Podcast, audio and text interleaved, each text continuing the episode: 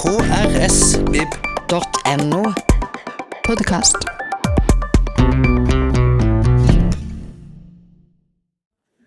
Vi er ganske heldige for eh, kveldens gjest. Eh, vil jeg tro, uten at hun sier det sjøl, beskjedenheten har hun. Jeg tror hun holder på med veldig mye. Det kommer vi tilbake til. Men allikevel så har hun hatt tid til å komme til oss i kveld. Ta godt imot Maja Lunde.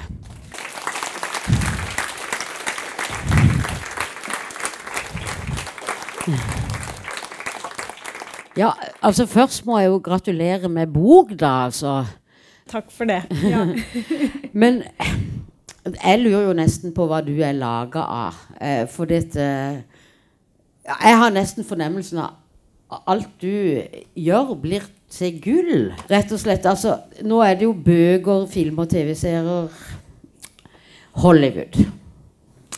Eh, jeg hadde egentlig tenkt å presentere deg som rett fra Hollywood, men det ville jo ikke vært riktig. Men, men du er midt i det Hollywood-perspektivet ja. også. Hva skal vi si? Rett fra Sørlandsbanen. Hvor jeg har sittet og skrevet manus for Hollywood. Ja. ja. På Krengetoget. Mm. Så så glamorøst er det.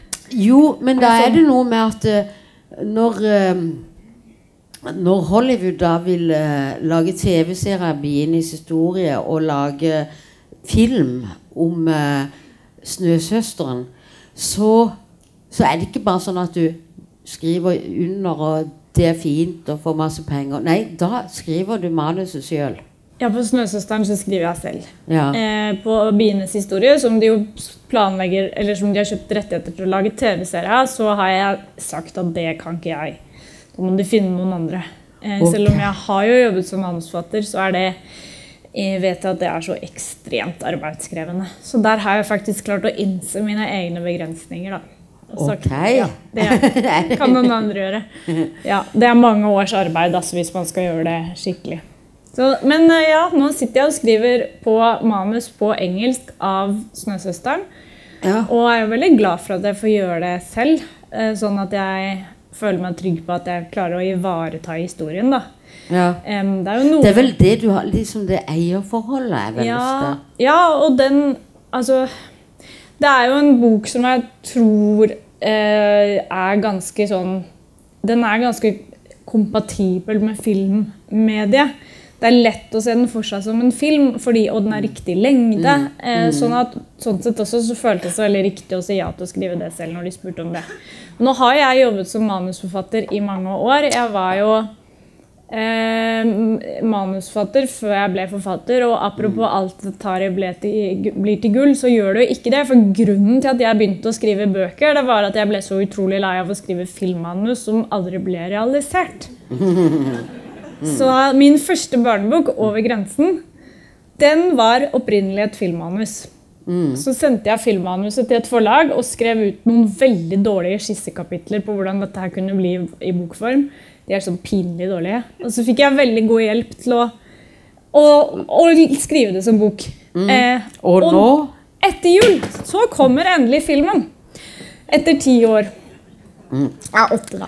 Da, jeg, jeg vet ikke om jeg har, lyst til å skry, har lov til å skryte her, men det er faktisk min bror som lager musikken til denne ja. filmen. Så det er jo litt hyggelig, da. At vi, vi møtes over ja, grenser, jo... som uh, mye handler om i ditt uh, forfatterskap og ja, alt det du arbeider med. Over grenser. ja. uh, tenker på det at i morgen så skal det utdeles en uh, littera litteraturpris. Altså, og det er jo den høyeste av de alle. Nobels litteraturpris. Sitter du og venter på noen telefon? Nei. Nei, jeg er ikke det. Jeg håper Margaret Atwood får den prisen. Det var egentlig ja, derfor jeg mm. tenker at akkurat i år er det kanskje ingen som har lyst på den prisen, etter alt det som har skjedd mm. Mm. Eh, der eh, de siste par årene. Så det er litt sånn tveegget sverd å få den. Men, mm. eh, men, men alligevel så altså, Du er jo i prinsippet for ung, tenker jeg. Mm. Eh, så jeg skulle jo egentlig over på det med Margaret som, som, jeg tenker Du har også sagt at hun skriver de store historiene. Mm. Altså hun er politisk, men hun klarer å dra de store linjene. Og jeg føler du er i tradisjon der. Ja, hun er jo en av de som har inspirert meg. Eh, og jeg liker forfattere som klarer å tenke stort, og som syns det er interessant å tenke stort. Samtidig så er jo jeg utrolig opptatt av relasjoner, da. Og bøkene mine er jo jeg mener Man kaller jo disse planlagte fire bøkene for Klimakvartetten, men egentlig kunne det jo hett Foreldre-barn-kvartetten, for det handler jo enda mer om foreldre-barn-relasjoner, egentlig. Eh, alt det her for meg henger det veldig sammen. da, Menneske, natur, foreldre, barn. Eh, nå i den siste boka handler det jo også mye om eh, oss, altså menneskedyret. Og da er jo dette her med forplantning og få barn og slekters gang og sånn Det er mye Altså, det henger sammen alt sammen. Ja, og nå må du spare et par av disse Ja, ja. poengene til litt utover i samtalen her, da. Eh, men, og, men mens vi er inne på Nobels priser, så deles du ut en på fredag også. Har du, i forhold til ditt engasjement og klima, har du et ønske for den eh, for, Altså et håp om hvilken Hvem som får den prisen? Litteraturprisen. Ja. Fredsprisen. Fredsprisen håper jeg at Thunberg får. Ja, du gjør det? Ja. Ja, jeg gjør det. Eh, Det er um, ingen som har klart å være en tydeligere stemme enn hun har vært mm. på dette feltet noen gang. Og vi vet at hvis vi fortsetter sånn som vi gjør nå, så vil, vi, vil det oppstå ekstremt mye konflikt i verden pga. klimaendringene. Og derfor er det riktig å gi fredsprisen til en som klarer å sette klima på dagsordenen. Ja. Eh, får vi en liten applaus på den? ja. Nå, det er en del som er med på det. Ja. eh, for selvfølgelig spør jeg deg om dette, for dette, er det noe du tar opp, så er det klima. Eh, du har skrevet Binis historie, 'Blå', som en del av roman, en klimakvartett. Og nå er du altså Nå må jeg bare passe meg veldig, for du har ikke gjort det lett for oss når du valgte tema. Men Persevalskis hest Ja, det var ikke så verst, syns jeg. Uh, Hvordan vil du si det? Nei, eh, jeg vet at det er noen som kan russisk eller polsk i salen. Polsk, ja. Hvordan ville du si det? Som meg? Ja. Er det sant? Ja, så bra. Ja. Hva- hva, hva- vil fordi si? jeg har hørt litt forskjellig. Jeg hadde en russisk konsulent på boka. En tredjedel av boka foregår i Russland, eller er, handler om en russer. Og hun sa liksom Pjevalski. Eh, Det var eh, litt vrient. Men så har jeg sett veldig mange dokumentarer om disse hestene, og der sier de stort sett alltid på engelsk og andre språk så sier de egentlig Persjvalski, da. Mm. Og PSG er jo på en måte enda enklere å få Mm. til. Ja. Um, nei, for dette Men kan jeg si en ting til? Ja, ja Man kan jo også bare kalle den for hesteboka til Lunde. Ja. Kan vi gjøre det fra Ja, nå vi kan gjøre det. Ja. Litt, litt god følelse for meg, iallfall. Markedssjefen var ikke så veldig fornøyd med den tittelen. skjønner du. Jeg, fått, eh, jeg, fikk, jeg måtte bearbeide dem et år før jeg fikk eh, lov Ja. til å kalle boka for det. Ja, for det er noe med det. Bienes historie. Blå. Blå. Ja. Og så den tittelen som jeg nå kan, bare kan kalle uh, Majas egen. Uh, den, den, den holder litt hardt, liksom. jeg kompenserer liksom litt, for blå var så lett. Ja, blå. Så nå er Ja. den litt vanskeligere. Du utfordrer folk, altså. Ja. ja. Eh, vi skal jo inn på den, men, men eh, midt i dette så er det jo noe med det virkelige livet her. Du har f.eks. sagt at eh, det er greit å føle på flyskam. Ja, ja, jeg har vel kanskje ikke formel... Altså, hva skal jeg si? Greit eller ikke? Det er jo noe veldig mange av oss gjør, da. Ja. Det kommer jo innenfra. Eh, og det syns jeg kanskje er litt sånn misforstått med det begrepet at en del slår så hardt med på det, og så glemmer de det at flyskam er jo oftest ikke noe man pålegger andre, det er jo noe som kommer fra en selv. Eh, som mange kjenner på fordi man rett og slett begynner å erkjenne ansvar. Eh, og så er det jo jeg vet ikke, For meg er det et ord, og jeg er vel vel så glad eller Jeg prøver ofte å snakke om flyansvar da, og klimaansvar isteden. For jeg tror det faktisk er det det handler om for veldig mange. At man, at man setter seg ned og liksom innrømmer for, overfor seg selv at de tingene man gjør, faktisk har eh, en påvirkning. Eh, Og at eh, vi er nødt til å starte med oss selv. Og det å redusere våre flyturer er en ting som eh, man kan gjøre. Eh, Og for veldig mange av oss så er eh, CO2-avtrykket fra flyvninger det aller største avtrykket vi har i løpet av et år. Da. Nordmenn flyr mest av alle i verden. Vi flyr vel noe sånt som fire ganger mer enn svenskene. Sånn at, at vi begynner å ta et slags ansvar for de flyturene våre, det syns jeg jo er helt på sin plass. Har du også en eh, mening om Altså, i går ble jo Altså, du er travel nå. Jeg vet det, du er midt i en turné. Men altså, jeg vet ikke om du har rukket og sett at uh, at regjeringa har lagt ut et budsjett der Ja. man også fikk litt uh, forhold til hva de prioriterte i klima. Hva syns du om den? Nei, jeg syns jo både eh, vår forrige rød-grønne regjering og nåværende regjering har gjort altfor lite på klima og natur. Ja. Eh, vi vet at Norge står overfor en stor omstilling. Eh, den er vi nødt til å sette i gang med, i veldig mye mer enn det vi gjør. Og jeg tror begge disse regjeringene vi har hatt, har vært liksom for redde for å ta tak i det. Da. Selv om dette er jo, de vet jo at vi er nødt til å sette i gang. Em, og så tror jeg eh, jeg skrev en kronikk faktisk før jul i fjor. Um, etter å da egentlig bare ha tenkt på meg selv som skjønnlitterær forfatter, så, så var det såpass mye jeg plutselig kjente at jeg liksom brant inne med, så jeg begikk min første kronikk. da. Den heter 'Den grønne ledertrøya', og den eh, har jeg blitt invitert til å lese ganske mange ganger senere, så det er jo fint eh, å kunne føle at man kan eh, få, få en sånn type stemme også. Eh, Men det jeg skriver om der, er at vi, eh, vi er i en så unik posisjon da, i verden, Norge. Eh, Vi har en mulighet til å ta på oss en grønn ledertrøye og gå foran og være foregangsland på veldig mye. Og verden trenger at noen gjør det, at noen starter. Og da handler det om å tenke, tenke grønt i alle ledd. Em, og det handler om å, å legge om de store næringene våre og satse på karbonfangst og vind og alt dette her som vi vet at vi er nødt til å begynne å jobbe med, og utvikle all den teknologien. Um, og der mener jeg vi har både mulighetene, vi er et lite land, vi er gode på dugnad, vi kan få til mye fort. Eh, og vi har penger, Uh, og vi har penger som vi har tjent på olje. Og derfor syns jeg også vi har et moralsk ansvar da, til å faktisk prøve litt ekstra. Em, og så har vi eh, så mener jeg også at vi, kan, vi er et land som bygger på naturverdier. Da. Vi er glad i natur. Og det også gå, å være et eksempel på at det går an å leve gode liv som er litt grønnere. At man må ikke spise biff hver dag for å være lykkelig. Da. Grønnsaker er også godt.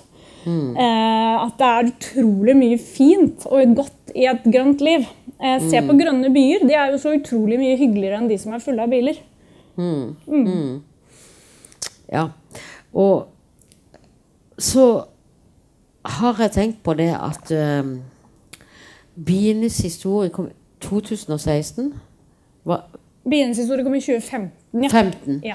Men uh, du har sagt i et intervju, og jeg har uh, også tenkt veldig gjennom sjøl, liksom, at du sier at samfunnet har forandra seg fra da. Altså at det politiske har forandra seg fra da. Og, og, men, men også samfunnet. For dette, altså dette er på godt og vondt. For det er blitt mer tatt tak i. Men på den andre sida så er det jo blitt så synlig at det er blitt, må ta tak i. Sånn at uh, ditt prosjekt med din uh, romankvartett er jo blitt Når du beskriver fremtida, skal vi komme tilbake til, så er det jo blitt mer og mer påliggende. Sånn at eh, Ja, nå ble det så mye på en gang her. At, eh, Nei, men ja, det har virkelig altså, Da jeg begynte å jobbe med Bienes historie i 2013, så føltes det som at jeg var den eneste i verden omtrent som var eh, jeg, jeg satt og tenkte at denne boka kommer ingen til å ha lyst til å lese. Dette må det bare være meg som syns er interessant. Men så, da, innen boken var ferdig og den kom ut, så hadde jo dette løftet seg veldig som tema. Eh, og så kom Blå ut i 2017. Em, Og den kom ut forut for den tørkesommeren som vi hadde i Europa, som, veldig mange, som skremte veldig mange. Eh, og det var eh, liksom fascinerende å se på hvordan lanseringen foregikk her og hjemme. fordi her så ble den liksom puttet i en slags sånn dystopisk bås, no, nesten, av en del. Mens i veldig mange av de andre landene så kom den ut, som Sverige f.eks., kom den ut i tørkesommeren. Og da var den jo plutselig helt sånn brennaktuell, holdt jeg på å si. Pun intended. Um, og, og, da, ikke sant? Sånn det, og jeg satt og, mens, og hadde skrevet den boken og gjennomlevde den sommeren og syntes det var guffent selv. Um, og, og, tenkte at kanskje 2041, som jeg hadde lagt mitt scenario til, var for langt frem i tid. da. Fordi at vi allerede ser at klimaendringene er her. Og vi merker dem på kroppen. og Bare se på liksom forsikringsbransjen i Norge har jo virkelig begynt å svette. ikke sant? Fordi, at, mm. fordi det skjer så mye som klimarelaterte ting hele tiden nå. Så det har jo mm. forandret seg drastisk for de siste tre årene. Ja, ja ikke mm. minst mm. kanskje siste to, siste, men du, du kommer året, med, med, det tredje også. Ja. ja. Mm. ja. Um. Og det gjør jo noe med folks mentalitet også, da, hvor alle så at vi man, når man begynner å se disse endringene og kjenne det på kroppen, så tror jeg flere og flere av oss også kommer til sånn punkt hvor du Alle de tallene, alt det vi vet, alt det vi på en måte har forstått på et sånn objektivt nivå, plutselig blir personlig. da. Mm. Og vi erkjenner det på en helt annen måte. Um, og da får vi også mye mer lyst til å bidra. Mm. Og der tror jeg ganske mange er nå. Mm. mm. Nå skal vi straks gå inn i den boka di som er nå, og som man kan både få kjøpt og signert etterpå. Du må bare legge inn her. Uh, uh, men nå, skal jeg faktisk si uh, en liten personlig ting. For dette min, min datter på ti år, Jenny, sa til meg en dag Mamma, tror du det kommer til å være greit at jeg får familie med barn? Mm. Fordi at det ser ut som kanskje det kan bli veldig farlig for barnet mitt. Mm. Altså øh, nå, nå, har jeg egentlig to spørsmål her. For det ene er det fine med klimaaksjonen. Men det er jo også den der frykten. Altså mm. Ja, vi, vi, La oss begynne med skryting av, av det uh, Greta Thunberg har gjort. Uh, kan du si noe om det? Ja, jeg tror at ja, altså Det hun har fått til, er jo å være Å gjøre noe helt genialt på rett sted til rett tid. Altså mm. Skolestreik er utrolig effektivt og tydelig. Um, og fordi at det er så mange som nå går og engster seg og kjenner på denne klima- og angsten og natursorgen, da, som, de, som de på en måte har definert dette som, så treffer det veldig. Fordi at vi, det er så mange som plutselig nå de siste par årene har kommet til en sånn erkjennelse av at vi er nødt til å gjøre noe. Um, men det som hun i tillegg har vært, uh, og særlig yngre, da, særlig ungdom, ikke sant, som begynner å bli ganske mm. desperate av at uh, voksenverdenen ikke gjør nok. Um, men så hun jo, er hun jo også ekstremt god til å formidle. Ja. På en veldig enkel måte hva dette handler om. Og hun, og hun er jo Enkelt sammenligna altså med I Have a Dream. Ja, og mm. hun er uh, virkelig hun, hun bruker jo kunnskap og fakta, da. Mm. Og hun sier jo til og med jeg vil jo egentlig ikke at dere skal lytte til meg, jeg vil at dere skal lytte til forskerne og faktisk handle slik de eh, mm. sier at vi må. Mm. mm. Men hvor stor eh, fare er det for at barn som vokser opp nå, også får en Altså de som er virkelig små, ikke 16, men 8, 7, 10 Rett og slett frykter framtida. At de ikke kan ha barn, for dette, da vil de vokse opp i det? Nei, det er jo et helt reelt spørsmål for en del allerede, det. Mm. Ja. Og det må vi også ta inn over oss som en del av dette bildet. Det nytter jo ikke bare å trøste og si eh, 'ikke tenk sånn', fordi det gjør man jo når man har eh, Hvis man har gått ordentlig inn i materialet, hvis man har lest hva forskerne sier og er helt enige om, eh, så er det på en måte helt umulig å ikke eh, bli engstelig, da. og, og, men det jeg jeg tenker er så innmari viktig overfor uh, unger og ungdom, er jo å vise dem at man kan være med og bidra på en eller annen måte. Eh, og snakke om hva vi selv kan gjøre. fordi at gjennom, det vet jo, ikke sant, Nå har det jo blitt sånn Klimapsykologi har jo plutselig blitt et felt. Eh, men der vet man jo at det å gjøre noe og, og bidra, det hjelper. Og det er jo enda en av årsakene til at jeg mener at vi i Norge også um, for å forebygge all denne redselen, så må vi i hvert fall prøve. da, For i det øyeblikket du faktisk bretter opp ermene og er med og bidrar, så hjelper det også på ens egen redsel. Og det gjelder jo både for barn og voksne.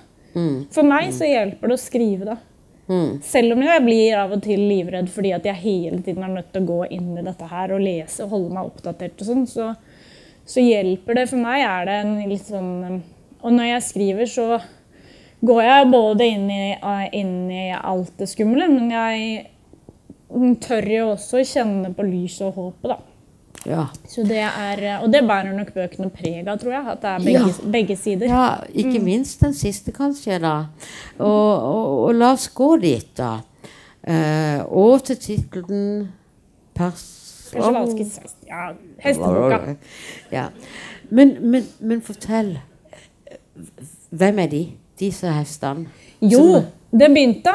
Det hele er faktisk før Bienes historie kom ut. Den sommeren så var jeg på ferie i, i, i de franske fjellene, i, i Alpene, i et naturreservat som heter Torenk, Og der var det noen hester som vi fikk se, og som vi fikk historien til. Og den historien, veldig kort, den var da at disse hestene de ble oppdaget i Mongolia i 1881.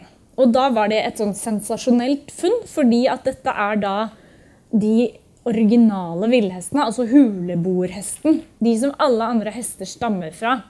Som ingen trodde fantes lenger. Så det var litt som å finne enhjørninger. Og alle var sånn. eh, og reiste fra Europa i horder. Carl Hagenbeck blant en, hvis noen har hørt om han, som er en sånn dy- dyrehage eh, og dyrefanger. Ja, veldig kjent for sin dyrehage. Og, og Du vet, Her i Kristiansand så vet vi alt om dette. Ja, vi er jo Kristiansand dyrepark. Eh. Så alle er Ja, informert ja, ja, hele denne historien. Han er den som grunnla den moderne dyrehagen og en verden tidenes mest kjente dyrefanger, faktisk. Men Mm. han blant annet dro etter hvert for å fange disse hestene.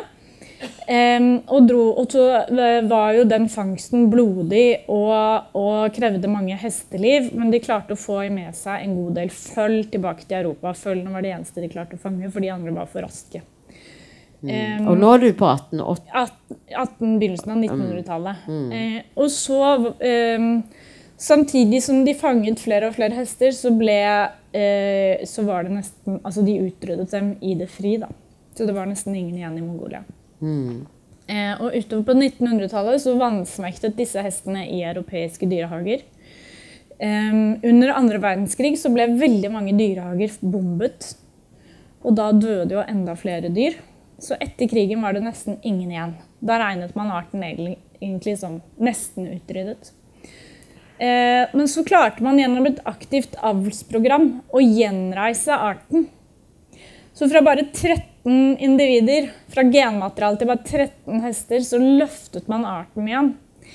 Eh, og i 1992 så reiste det første flyet til Mongolia med hester. Og så satte de dem ut i det frie igjen.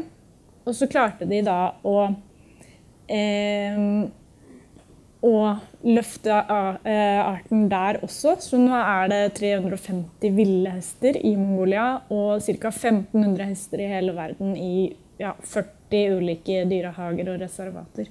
Så det her for meg, Jeg fikk jo den her historien, og jeg husker jeg satt og liksom dytta mannen min i siden og bare Dette er jo en bok! Jeg må jo skrive denne boka. Mm, og nå har du egentlig Ja. fortalt om hele boka, så nå Ja. kan vi bare si takk for i dag og gå. Jeg hadde tenkt å gjøre det litt lenger, egentlig, men nei. Men jeg har jo ikke skrevet ikke sant? I denne sanne fortellingen så er det jo utrolig mange eh, folk som Det- har gjort en kjempeinnsats, og noen har gjort en kjempedårlig innsats også. Eh, og ikke eh, Ja, og, og det, det er, var så mange ting her, da. Så det er jo det jeg har da tatt tak i. Og så jeg forteller rett og slett denne hestehistorien. Eh, men i tillegg så har jeg et framtidsplan da, som knyttes opp mot de to foregående romanene igjen. Jeg hadde tenkt å spare det til Ja. slutt. Men jeg kan jo si men, men, nei, men jeg jeg skal fremdeles holde litt på den. den. Men, mye regi her, ja. Nei, eh, eller har tida gått så fort? Jeg tenkte vi hadde litt Ja. Det, du, det er det at nå er du midt inne i det. Ja. Nei, for dette i, all, i, I disse tre A4, det kommer en fjerde, så gjør du det samme forfatterknepet. Du, du har tre tidsepoker. Altså, i, og i, som du egentlig allerede har fortalt, så er jeg jo helt overflødig her, men eh, det, det er knytta her til 1880-tallet. Det er knytta til 1992 og fremtida 1964. 2064, ja. Ja, nei, 20 mener jeg. Ja, Ja. 2064, selvfølgelig. Uh, og, og det er jo helt realistisk. Det, altså, alle dine skikkelser er her romanfigurer. Men det er knytta opp til en reell historie. Og uh, Du har jo nesten sagt det, da, men, men, eh, men, det er noen som individer som virkelig tenker at vi må redde disse dyra. Vi må redde dem. Og, og, og da får de til um, Altså, de lever i det mongolske riket, og så får de til parker ut i verden. Avle de frem så de blir bevart, altså. Det er, det er jo egentlig det som er mye kraften i boka di, altså, som, som de holder på med i tre Ja, og det var jo det jeg syns var så utrolig fint med den fortellingen, da, som jeg tror gjorde at jeg ble sånn dratt mot den også. Fordi at når jeg jobber med et materiale som er ganske mørkt og dystert, eh, så er dette en historie med lys og håp, og den viser oss hva vi mennesker er i stand til da, hvis vi bare vil. Em, og det er jo noen, Jeg har vel egentlig sånn to store spørsmål for alle disse romanene. Og, det ene, og de to spørsmålene ble ekstra sentralt i Persevalskis hest fordi den handler om dyr, og den handler om menneskedyret. Og det ene spørsmålet er eh, hvordan har vi blitt den Hvorfor er det akkurat vi som har blitt den arten som endrer alt? Hva det som har, hvilke egenskaper er det vi har i oss som gjør at vi er på toppen av pyramiden i verden? Og utrydder så mange andre arter. Um, og har vi det også i oss å kunne rette opp våre feil? da? Uh, er, det mulig for oss? Eller er vi fremdeles for eh, steinalderaktige i hodet vårt? Eller er gråden medfødte grådigheten så sterk at vi uh, Og vår eh, manglende evne til å tenke lenger enn fem år. Em, altså alle sånne, de, de spørsmålene da, driver jeg og baler mye med. Og det har jo kanskje blitt særlig sentralt i den siste boken, fordi den handler så veldig konkret om oss som dyr også. Ja. Og, og i den så, så det, det, det er en skikkelse vi, jeg, man, man, vi, vi skal ikke gå inn på alle skikkelsene, for det blir så konkret. Da bør det lese det sjøl.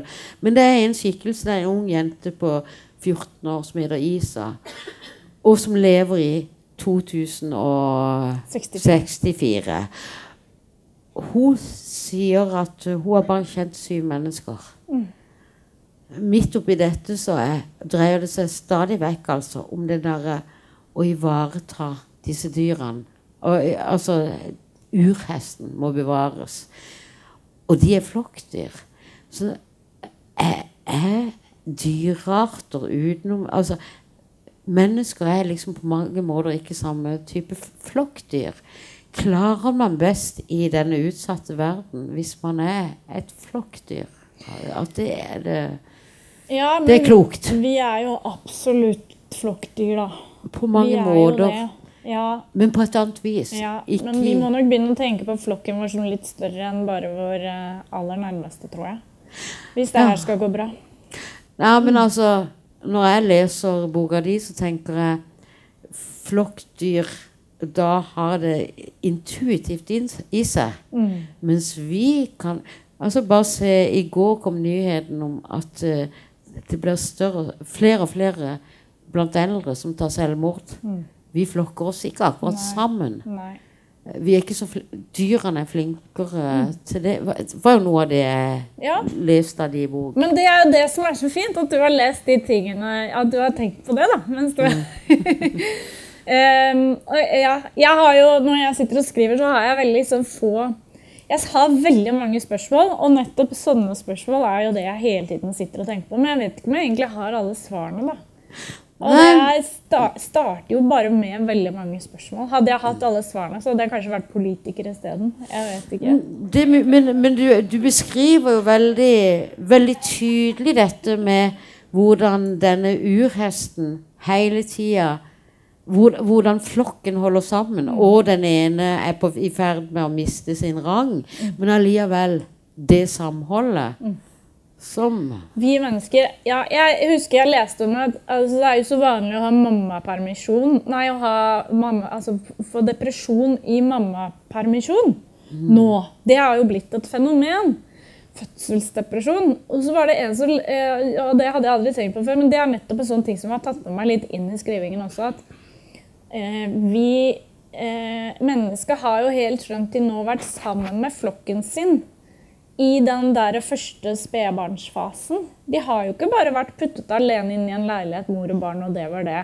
Ha det bra alene hele dagen. Så sannelig, Det er jo ikke rart at mange kvinner går rundt og er, syns at det er en ganske tøff situasjon. fordi mennesket er jo egentlig laget for å ha en hel haug rundt seg i den der ganske sårbare situasjonen. Da. Og det er så mange sånne situasjoner som vi, det moderne mennesket, har skapt, som egentlig er litt sånn kunstige og rare, kanskje ut fra hvordan vi er skrudd sammen. Sånn fra biologiens side. Så det er det, også, det er det også noen bok om. Og det er jo definitivt en bok om svangerskap og fødsel. Eh, og, form, og formere seg, da, som vi jo driver med, vi dyr. Eh, og så har jeg veldig lyst til at du skal beskrive, hvis du kan i holdt på å si få. Men eh, dette samfunnet i 2064 som jeg syns nærmest i løpet av to år at vi begynner å nærme oss mer og mer. Eh, ja, i dag må jeg bare si altså dette med Tyrkia-Syria, eh, situasjonen nå, og, og hva som kommer til å skje de neste dagene der. Men det handler altså også altså, Du sier at eh, de fleste menneskene da er på vandring. Og det er europeere.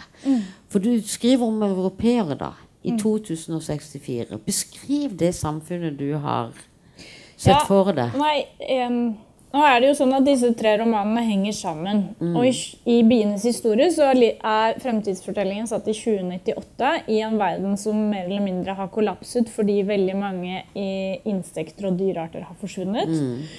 Og det har vært klimaendringer. Eh, og i eh, blå så går jeg tilbake i tid til 2041, i en verden hvor eh, tørke har rammet Sør-Europa. Europa har blitt delt. Eh, veldig mange eh, har måttet flykte fra Sør-Europa, for det har blitt helt uutholdelig å leve der. Og så i da Przewalskis hest i 2064 så bygger jeg egentlig videre på den fortellingen. Eh, og det er til og med sånn at vi møter igjen en av karakterene fra Blå. Sånn at lesere som har fulgt alle bøkene, de begynner å se hvordan det her er et slags puslespill da, med mange biter. Eh, Men man kan fint lese de, man trenger ikke å lese de i rekkefølge. eller noe sånt. Altså det, de må, kan leses hver for seg. Men, men eh, det er en verden hvor eh, altså, det moderne samfunnet har kollapset. Fordi at klimaendringene og naturkollapsen, naturkrisen, har eh, det, det har blitt for mye, da. Og vi har ikke klart å håndtere det på noen bra måte heller. Eh, nord, hvor det har vært vann, har ikke klart å ta vare på sør i Europa. Så det har vært en splittelse. Og så er det rett og slett en påfølgende samfunnskollaps som jeg skildrer.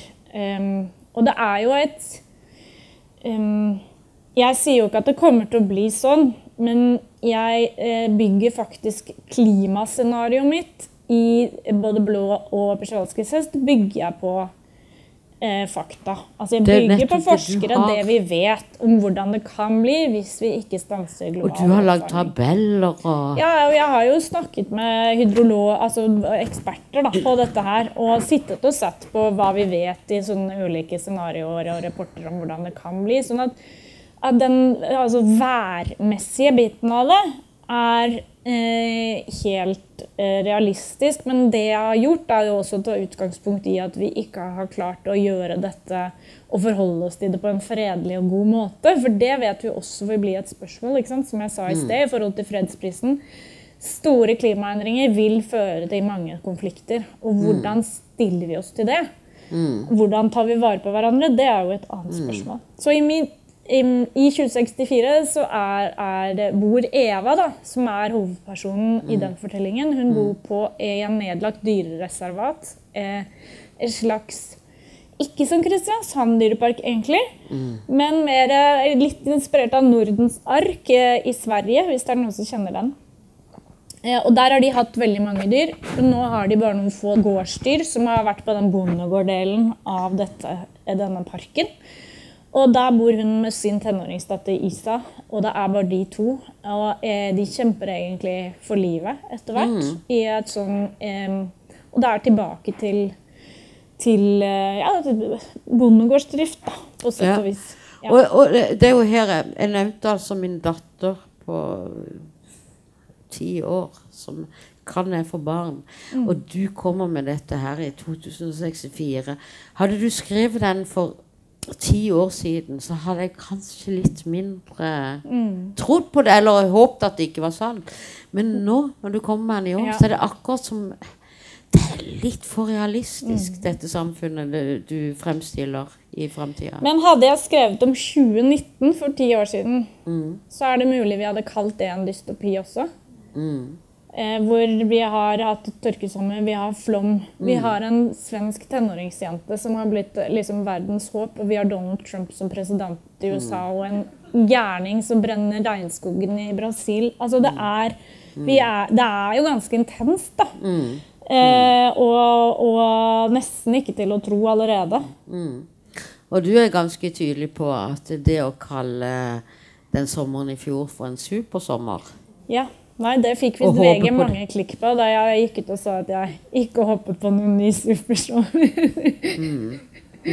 Ja, nei, eh, alle som lever litt tett på naturen, eh, og særlig alle som er, driver landbruk, vet jo at det var jo ikke noe supersommer i fjor. Men det var faktisk litt påfallende, fordi at jeg eh, sto med de norske avisene versus de eh, internasjonale avisene. Og mens VG og Dagbladet fremdeles bare kjørte på med supersommer, så sto, var liksom forsidene på New York Times og The Guardian og alle de her var 'The world is burning'. Så vi ligger av og til litt bak også. Men eh, altså, du har, du har gått systematisk ordentlig til verks også for å få se mulighetene for framtida, hvordan det er på både negativt og positivt vis. Altså, eh, vi har fått et statsbudsjett nå som Ja, hvor godt Altså, hvor sterkt syns du at politikere i verden tar Altså, de begynner å ta det over seg, men fremdeles er det jo viktigere nesten å få flertall, og hvordan vi kan løse bomkrise. Eller hvordan syns du det går med oss som uh, tenkende mennesker og politikere? Jeg syns i hvert fall vi skal slutte å kalle sånne ting som bompengesaker eh, saker for kriser. Ja. Det syns jeg kanskje er litt feil bruk av ordet krise. Em, men jeg savner vel visjonære politikere, da. Og så savner jeg kanskje litt mer selvtillit på vegne av oss mennesker. Det har jeg også tenkt mye på i denne boken. At vi er jo verdens mest tilpasningsdyktige art. Eh, og vi kan få til så utrolig mye på så kort tid, for vi er så gode til å kommunisere med hverandre. Mye, vi slår jo alle andre arter i både tilpasningsdyktighet og kommunikasjon. Så jeg tror at også politikerne, og vi selv ofte, undervurderer hvor utrolig store endringer vi er i stand til å takle på veldig kort tid. Eh, og det er på en måte bare å gjøre det. tror jeg. Hmm. Em, Og så må vi rett og slett liksom se oss selv i speilet og tenke at ja, dette kan vi få til. Selvfølgelig kan vi få til dette, fordi alternativet, hvis vi ikke får det til, er jo så utrolig dårlig. Eh, Så vi, det, så ja, vi må få litt bedre selvtillit. Og jeg tror politikerne er nødt til å bare eh, erkjenne også at eh, de må bare De må bli litt barskere. Ja, og så tenk, tenk liksom på røykeloven, da. Vi sutra for den, og så gikk det to uker, og så var alle kjempeglade. Det er jo et sånn eksempel på hvor, hvor enkelt det ofte er. Ja, men men midt oppi dette så snakker altså Hvor mye kan vi tillate at temperaturen stiger? Dette, dette er jo alvor, altså. Dette er virkelig alvor. Og det er derfor mine og dine og barna er klimastreik i s- s- klimastreik. Ja, altså mine var jo de liksom små. Men, men altså, barn og ungdom er på, på gang, og, og de voksne holder fremdeles på å finne ut av balansen mellom bomring Ja. og, og, og, og klima og eventuelt Ja, altså Føles som om vi tar dette nok på alvor. Nei, vi gjør jo ikke det. Nei. Men jeg tror vi er på vei, da. Jeg tror veldig mange av oss er på vei. Men jeg tror at politikerne trenger å skjønne det i enda større grad Ja. enn det de har gjort til nå. Um, men en del av dem er jo også veldig uh, en, er, jo, er jo klare. De er det. Men de trenger jo kanskje signaler fra oss på at vi mener det er viktig. da, Det gjør vi jo bl.a. med stemmeseddelen vår, selvfølgelig. Mm. eh, men jeg er også opptatt av det vi igjen da, tilbake til å beholde optimismen. Det er jo det vi alle og enhver kan gjøre, og det er faktisk ganske mye. Eh, og det å se på hva vi selv kan gjøre, hjelper så innmari også på den maktesløsheten som man kan kjenne på. Og da mener jeg igjen, da, sånn å fly, spise mindre kjøtt, kjøpe mindre stæsj. Det er jul snart, liksom. Hold julegavene nede. Eh, kjøp brukt, selv brukt. Eh, ikke bare kast ting. Det er alltid noen som trenger de utroligste ting hvis man legger det ut på Finn. Eh, og, Ja, og gjenbruk. Ja, Ikke kjøp tøy er vel en av de Nei, ikke kjøp for mye klær. Ikke, det er jo den klesindustrien. Jeg kjøper bruktting isteden. Mm. Eh, Allikevel sa de da Ja. eh, Da gjør- åpner jo regjeringa for i går at det kan man jo få kjøpt veldig greit nå. Ja, ja. Nei, og så tror jeg også mange av oss eh, undervurderer litt den eh, muligheten vi har til å påvirke liksom, lokalmiljøet vårt, arbeidsplassen vår. Sånne steder vi er i, da. Eh, der er det veldig mye man kan få til nøkkel... Altså ikke nøkler, hva er det det heter? Eh, fyr, grønne fyrtårnsarbeidsplasser. Det er bare eh, Alle de bitte små tingene. Det er jo det som blir summen av den store endringen til slutt. Så det er viktig å huske på. Hver og en av oss. Ja. Ja. Og eh, når jeg leste denne boka, som altså heter Hesteboka. Hesteboka, eh, så, så tenkte jeg som så at eh, den eh, Den har fått kritikker som er helt enorme, og, og også blir kalt den beste av de tre. Jeg vet ikke hvordan du forholder deg til For jeg vil jo tippe at eh, både Blå og Binis historie har du et veldig godt forhold til. Men den lever iallfall opp da til, til forventning. Og, og så viktig at dere bare leser den sjøl, at vi ikke avslører for mye my, my- mye ting, detaljer her. Den, den er i samme gate som de to andre. Og eh, da vil også for mye vi, vi, altså det, du, har, du er jo i visdom her. Når du, for det, altså den, eh, den er jo veldig konkret, eh, historisk. Med, men kan, der kan du si noe om de tre eh, altså Det er jo et spenn fra 1881 til 2064 der alle hele tida holder på å ha en lidenskap for å bevare en hesterase. Hva er det som gjør at man kommer dit? Og ville det? At de har det? Ja. Nei, jeg, den ene hovedpersonen han er russer, og han driver en dyrehage i St. Petersburg. Eh, da måtte jeg jo skrive om Russland, eh, som jeg kunne veldig lite om på forhånd. Så jeg var jo bl.a. på researchtur dit. da. Eh, og, han, og det som også var så interessant med å gå inn i den, var jo å se på hvordan dyrehager drives før og nå. Der lærte jeg utrolig mye. Men han får høre om denne hesten, eh, Persjewalski-hesten. Han, får- han får se hodeskallen og skinnet, som var det første som kom inn til Zoologisk institutt. Og så blir han rett og slett besatt av å skaffe seg denne hesten til sin dyrehage. Og han vil eie den. Det er litt sånn My Precious-aktig eh, eh, innfallsvinkel til det. Og han vil eie og vise fram. Så det er litt sånn gå inn i det der gammeldagse mindsettet rundt, rundt dyrehagedrift og dyr da generelt. Og dyr, vers, altså forskjell på dyr og mennesker. Um, og så er det, treffer vi Karin, som er tysk veterinær. I 1992.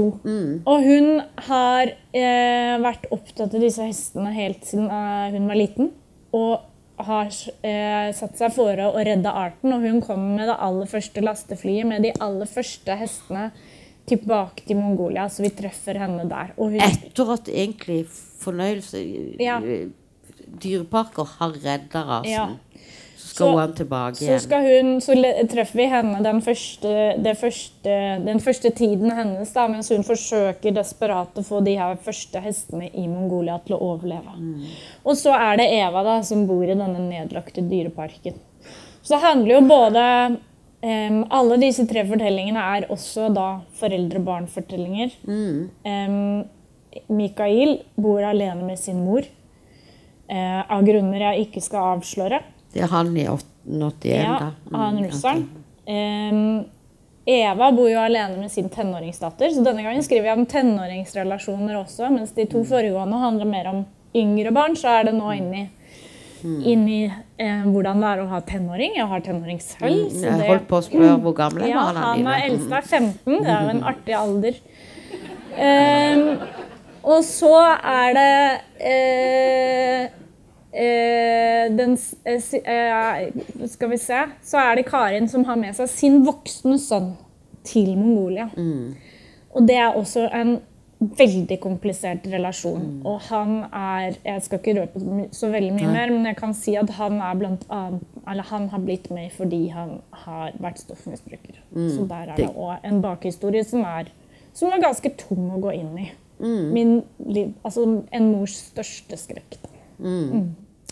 Uh, og så tenker jeg da på dette at uh, du snakker om urhesten og vi som altså For når du skriver biens historie, da, så er det noe med at det er soleklart at vi tre, trenger biene. De trenger vi. For dette det er de, Vi trenger så- insekter, pollinerende Ja. insekter, ellers så har vi ikke mat.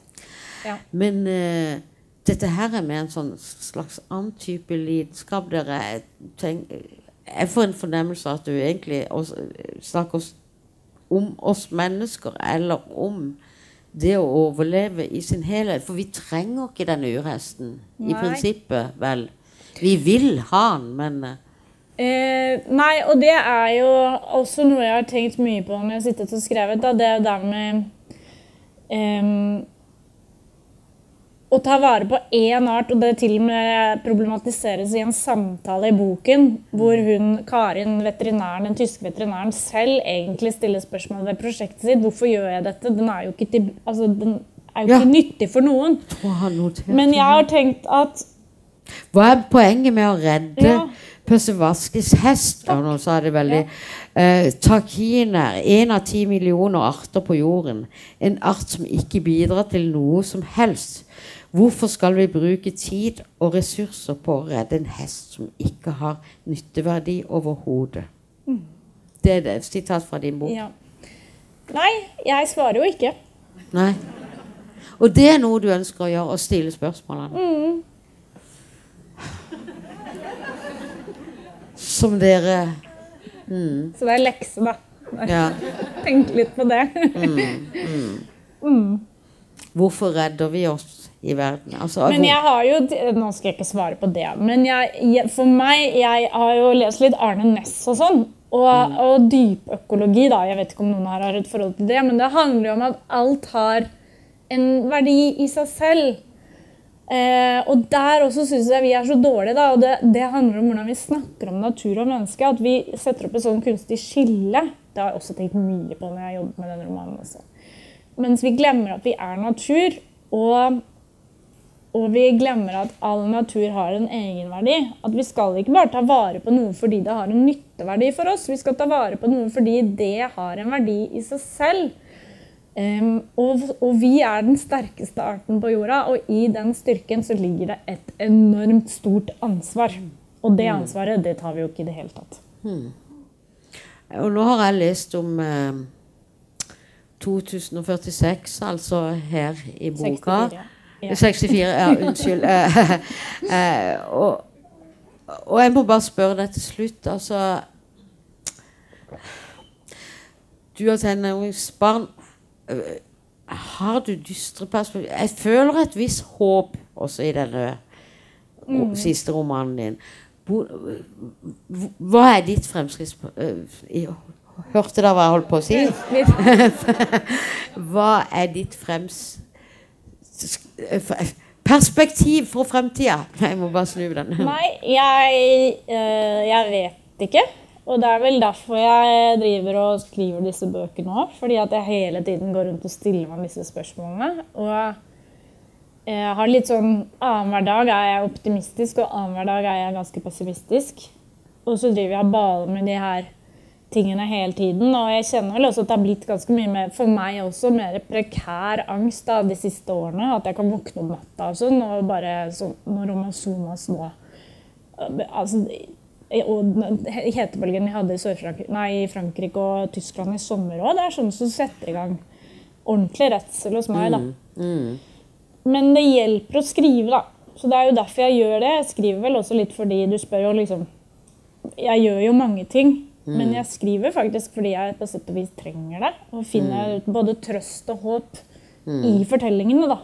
Så uroen ligger der? Uroen er der hele tiden, men mm. det hjelper å skrive. Og jeg tenker at ved å utforske alle disse tingene eh, Og det er jo der igjen vi, det er jo det vi er gode på, da menneskedyra også. Vi kan jo skrive, vi kan uttrykke oss, vi kan mm. kommunisere. Vi kan skape fortellinger. Det er jo helt fantastisk.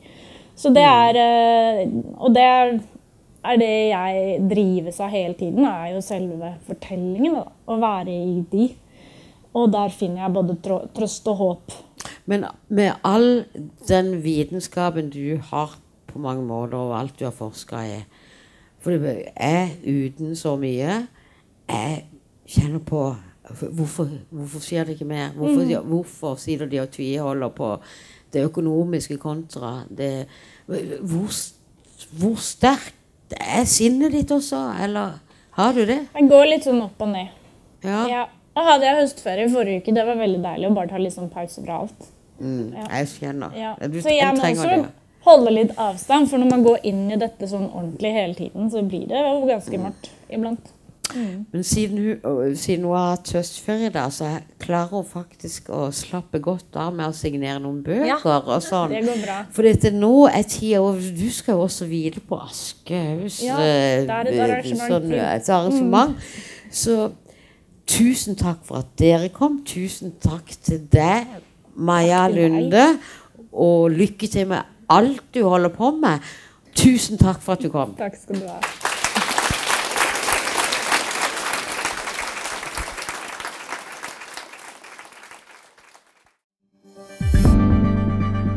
Flere podkaster fra oss finner du på Google Podkast, Apple Podkast eller iTunes, eller ved å stikke innom vår hjemmeside på krsbib.no.